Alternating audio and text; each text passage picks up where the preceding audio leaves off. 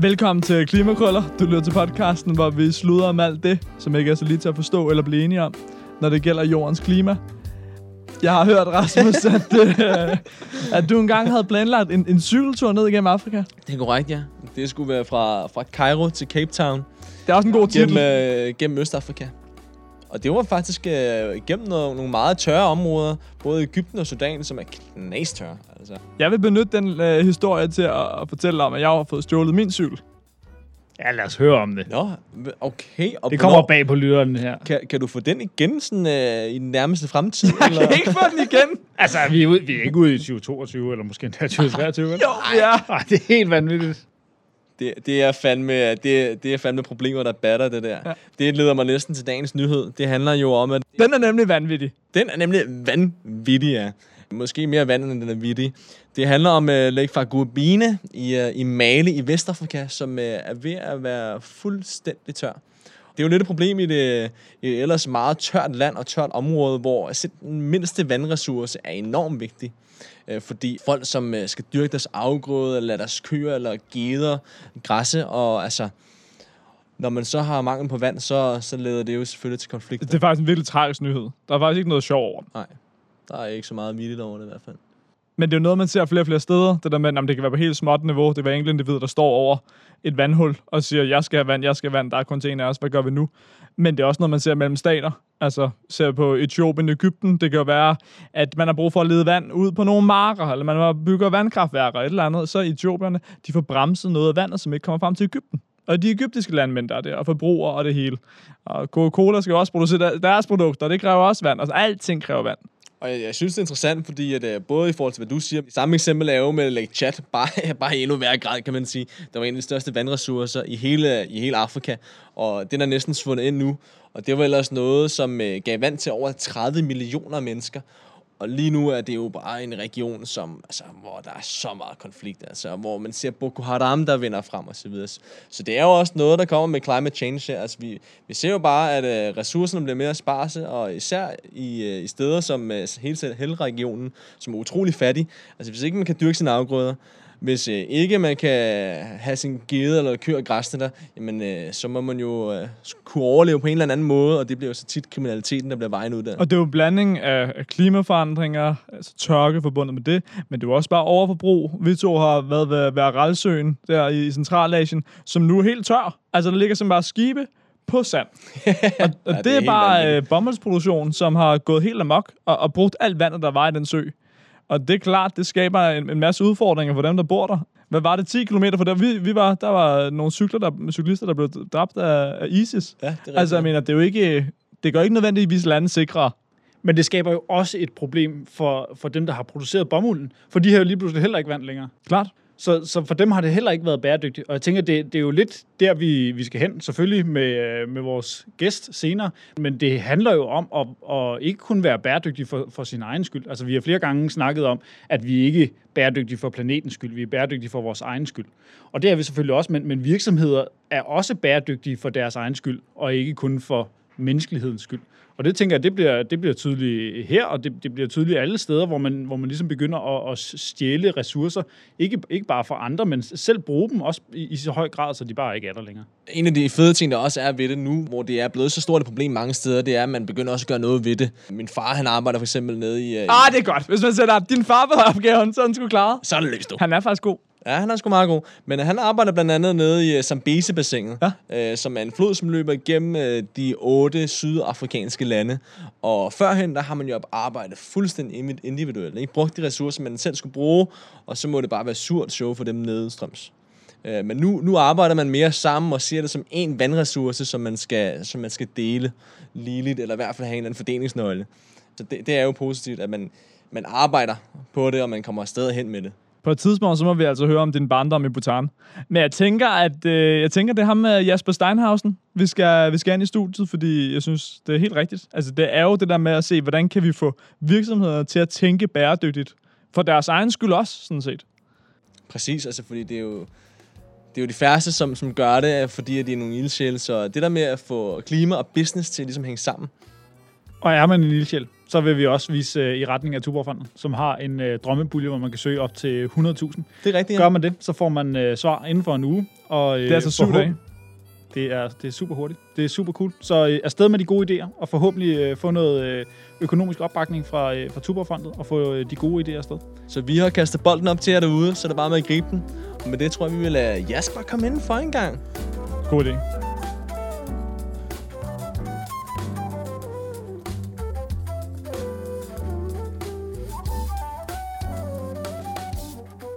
Velkommen til. Nu er vi øh, fire i studiet igen, og øh, den, øh, den ekstra mand, det er dig, Jasper Steinhausen. Velkommen til. Tusind tak. Du er, øh, du er konsulent og har arbejdet med cirkulær økonomi, så, øh, så længe som cirkulær økonomi har eksisteret. Det, øh, det er i hvert, fald, i hvert fald her i Danmark, ja, det er helt rigtigt. Det er fornemt, øh, fornemt besøg. Jeg tænker, vi skal adressere elefanten i rummet, cirkulær økonomi. Altså, fordi typisk så er det noget, hvor, øh, hvor folk begynder at klappe. Men, øh, men jeg er ikke sikker på, at, øh, at alle ved, hvad det er, de klapper af, og, øh, og jeg selv inklusiv måske. Så vil du ikke prøve at sætte nogle ord på, hvad, hvad er cirkulær økonomi? Jo, det vil jeg gerne. Og du har jo fuldstændig ret, at der er mange, der klapper og, og, og kommer til det her felt i øjeblikket, hvilket jo er super, super positivt. Øh, og derfor er der faktisk også ret meget brug for lige præcis noget som det her. Nogen, der spørger, hvad er det nu egentlig, det faktisk handler om, og hvordan skal man gå til det, og så videre. Så det er virkelig glad for det spørgsmål. Det er rigtig godt. Stil endelig det mange steder, flere steder. Det til spørgsmål tilfældigt, ja, på gaden. præcis. Ja. Nej, men du kan sige sådan grundlæggende, så synes jeg, at det som jo er egentlig ikke er, altså er kernen i, hvad man skal prøve at tænke det som, måske mere end sådan i principperne, det er at tænke i, det her det er en måde at skabe forretning og skabe værdi på, med en indbygget miljøeffekt. Hvor vi mere er vant til at snakke om miljøprojekter, som sådan, jamen, nu skal vi løse et miljøproblem, og så skal vi finde en eller anden acceptabel tilbagebetalingstid. Og alle har selvfølgelig fattet, jo kortere, jo bedre. Men hele essensen her er egentlig, at når det fungerer bedst, så handler det faktisk om at tænke, hvordan er det, jeg løser et eller andet givet problem for nogen. Nogen, som er parat til at betale for det her gerne. Ikke os alle sammen. Ikke tragedy of the commons. Det er ikke der, vi er henne, vel? Men det er sådan, jamen her er et problem, som er et problem for en virksomhed, eller en borger, eller en politiker, eller en et eller andet. Og hvis vi løser det på en måde, som samtidig skaber en miljøimpact, så er der en langt, langt større chance for, at det her bliver skaleret og implementeret i stor skala. Øh, fordi verden er jo fyldt med smukke demonstrationsprojekter, der har lavet proof of concept, og hvor der på en side står, sådan her skalerer vi det. Og det bliver bare aldrig rigtigt til noget. Vel? Og det er fordi, det ikke er svar på nogens reelle problem.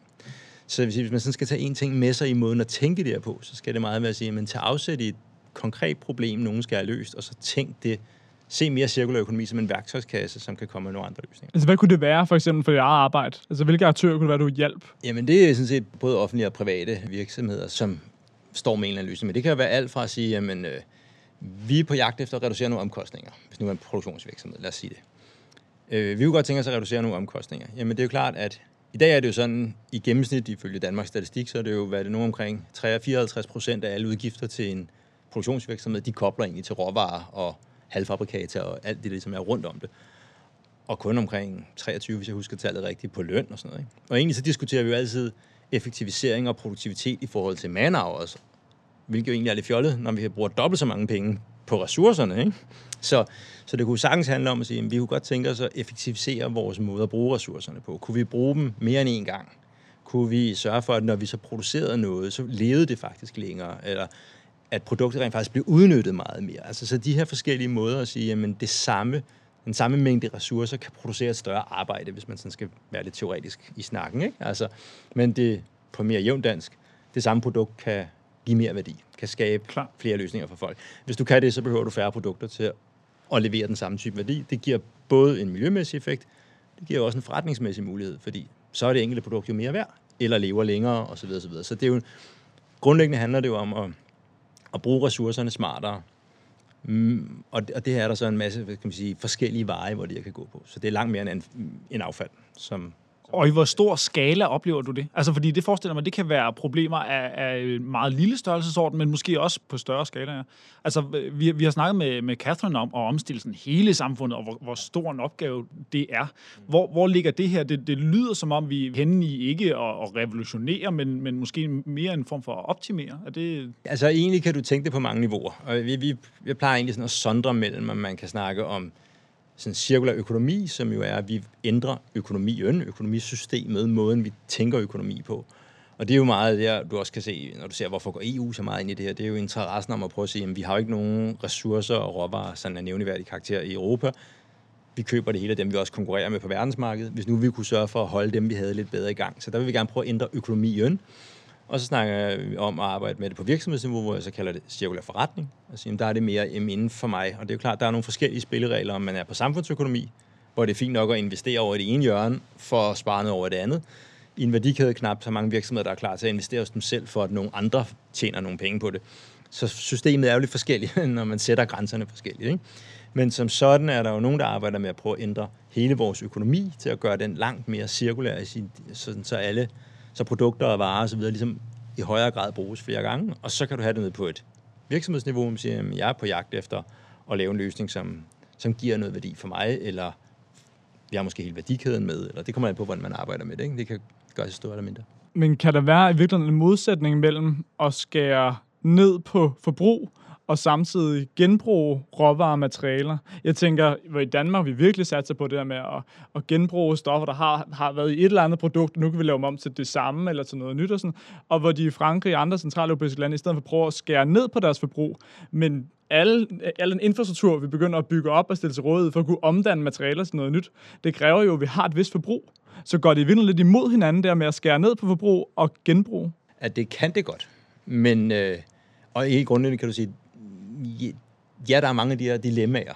Der er masser af dilemmaer, du kan opstille, i en, når du arbejder i en cirkulær økonomi. Og sådan er det jo med al udvikling. Så, øh, så jo, det er også svært, og jo, der bliver også nogle steder, hvor man skal lave nogle trade-off, og ligesom sige, vil vi så satse på det her eller på det her. Men man kan sige, at jeg tror ikke, der er nogen fare for, hvis du kigger ud i det europæiske system, eller i det danske system, at vi løber tør for ressourcer, fordi vi bruger, forbruger for lidt. Og slet ikke, hvis vi kigger i Danmark. I ved sikkert, at har sikkert faldet over statistikken, og hvis ikke, så er den meget sjov. Vi har jo, Danmark har jo den suveræne førsteplads med, hvor meget affald vi genererer per indbygger. Og der er cirka, altså det er næsten dobbelt op for nummer to. Så det er ikke sådan en rigtig, øh, det er sådan en ret solid førsteplads. Men det er ikke en, man skal være specielt stolt af, vel? Så jeg tænker, selv hvis vi reducerede vores samlede forbrug, så tror jeg ikke, man skal være bange for, at, at der går noget galt, vel? Men når det er sagt, så er det jo klart, at når du sidder som den enkelte virksomhed og måske siger, Jamen, det kan godt være, at jeg skal source mit af, i andres affald. Det skal være en del af min råvarestrøm. Så skal jeg jo selvfølgelig have samme tillid til pålidelig ensartet leverance, som jeg havde, hvis jeg bestilte det hos en eller anden råvareleverandør på virgine materialer. Så det er klart, så du, igen, der er forskel, om du ser på det på et samfundsøkonomisk niveau, eller om du er nede på den enkelte virksomhed. Øhm, så, så på den måde. Så. Og når du så finder løsninger for, for eksempelvis virksomheder, men også offentlige institutioner, øh, er det så løsninger, hvor de også ender med at spare penge eller tjene yderligere, eller er det også noget, hvor man engang imellem møder til, vi havde Jacob Sterling på Mærsk i, i studiet, der er de nødt til at satse på nogle nye brændstoffer, som ikke er lige så effektive i virkeligheden, hvor man skal have dobbelt så meget af det brændstof for at kunne sejle 10 km eller noget andet. Bliver det også nogle gange dyrere for at gøre noget godt, eller finder du primært løsninger, hvor det bliver billigere samtidig? Men der tror jeg, det der er super... Altså, det korte svar er jo, at der er helt klart løsninger, som kommer til at koste. Sådan er det, og det handler også om, at vi jo har virkelig, virkelig meget ude i systemet lige nu, samfundssystemet, som er virkelig dumt tænkt, og som er en omkostning, og som egentlig bare er, altså har en negativ effekt på hele vores økosystem. Hvad er du støder på i dit arbejde, for eksempel? Jamen, det kan være alle mulige former for kemikalier, det kan være alle mulige former for plast. Der er alle mulige ting, hvor vi siger, det har vi ikke tænkt så smart om. I byggeriet har vi jo masser af eksempler, når vi kigger tilbage. Så troede vi, at PCB var smart. Så gik der nogle år fandt ud af, not so much. Asbest, virkelig genialt. Nej, ikke som, altså. Så på den måde har vi jo taget nogle ting, som enten fordi det var, troede vi var en super smart løsning, helt oprigtigt, eller fordi, det her var billigt, det kan vi godt lige køre med. og så fandt vi ud af bagefter, okay, det var så alligevel lidt en dyr regning, vi fik oparbejdet her. Ikke? Så på den måde er der jo noget i det, men, men det, der er ekstremt vigtigt, når man arbejder med cirkulær økonomi, det er at tænke i, at ofte så har du sådan, jamen du betaler på et budget, men du høster på mange. Og det gør business casen svær. Og det er der mange, der ligesom sådan slår sig lidt på, og dermed ikke kan få ting igennem. Fordi hvis vi skulle tage det her Mærsk eksempel, uden at jeg kender øh, detaljerne i det, men du kan jo sige, øh, øh, det kan godt være, at de skal bruge flere penge, både fordi brændstofferne er dyre, særligt i en overgangsfase, øh, men måske skal de også, hvis, hvis det er rigtigt, de skal bruge dobbelt så meget, øh, hvis det nu var det, der var tallet.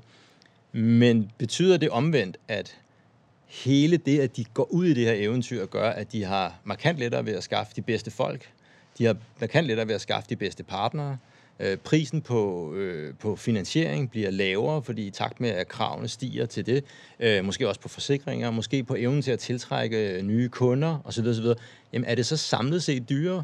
Ja, hvis du kun måler på den ene, der hedder, hvad betaler vi for brændstoffet for at fragte en container x kilometer, så er det selvfølgelig korrekt.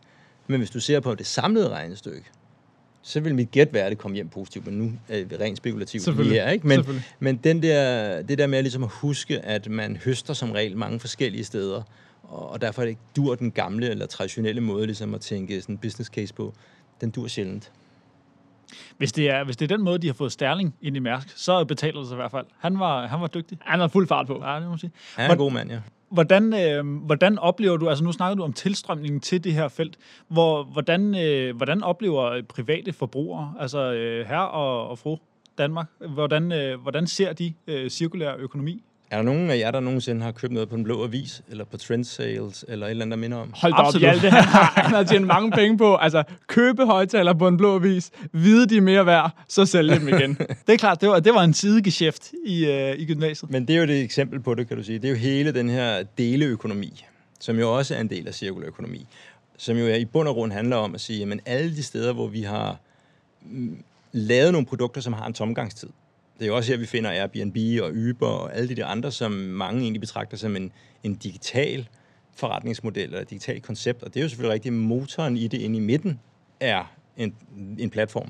Men i bund og grund så handler det jo om, at der er nogle ressourcer, der står med noget tomgang, som vi udnytter. Så for mig at se, er det her jo en, helt, det er en ressourcemæssig tilgang.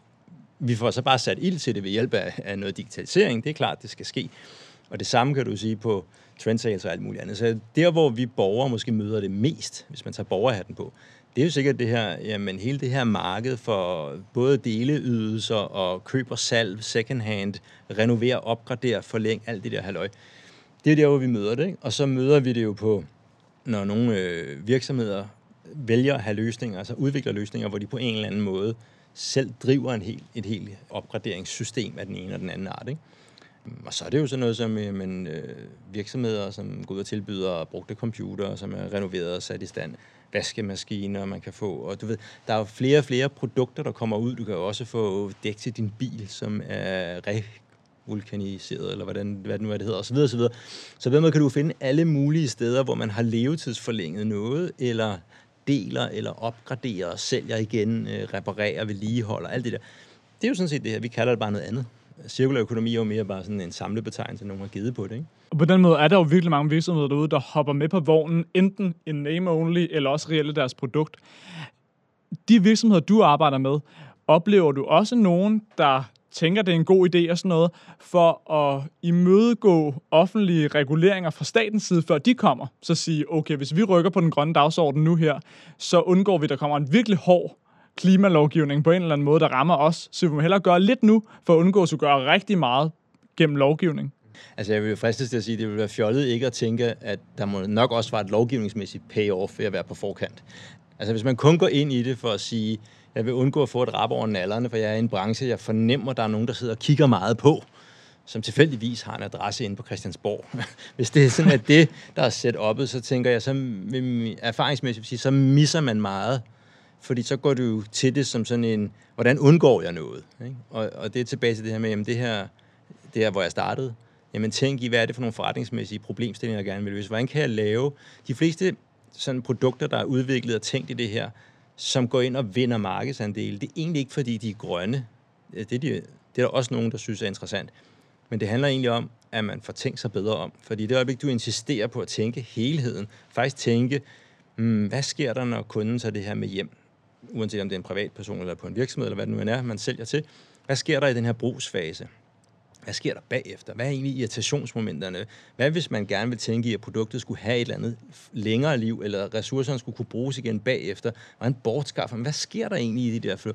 Når du sætter ned og begynder at tænke over det, som man jo egentlig kunne sige, det burde alle produktudviklere jo tænke over, men det kan vi jo vi skal ikke kigge ret meget i vores egne produkter rundt omkring os for at vide, at det gør de ikke. Uh, så, så du får simpelthen tænkt en smartere og bedre løsning. Ikke? Der er også rigtig meget, lige snart du arbejder med design for adskillelse, det er jo også design for let samling, så rigtig mange af de steder, hvor du kan få enormt stort niveau af sådan customization, som rigtig mange mennesker jo gerne vil have, jamen det er jo klart, hvis du har tænkt det som sådan et eller andet Lego-system, så kan du godt få de tre yderste skaller i lige præcis den farve, du drømmer om. Så hvis pastel lige er noget for dig. Og det er det. Og Det er det jo ikke. Han beder om det. Så skal du have den i pastel, hvorimod du er lidt mere til prikker, ikke? Og så er det klart, så skal du have det med prikker. Og i, i et gammeldags traditionelt setup, så er det rigtig, rigtig kompliceret at gøre det, for man kører store batches og sådan noget, men hvis du har designet det sådan, at det egentlig er meget mere nogle kliksystemer, du sætter sammen, så er det jo ikke særlig vanskeligt at vælge til sidst og klikke det andet på. Så der, ved, der er mange forskellige måder, hvor det her kan levere en mere værdi for kunden, alt efter hvad du er for slags produkt, i hvilket marked man er og sådan noget. Ikke?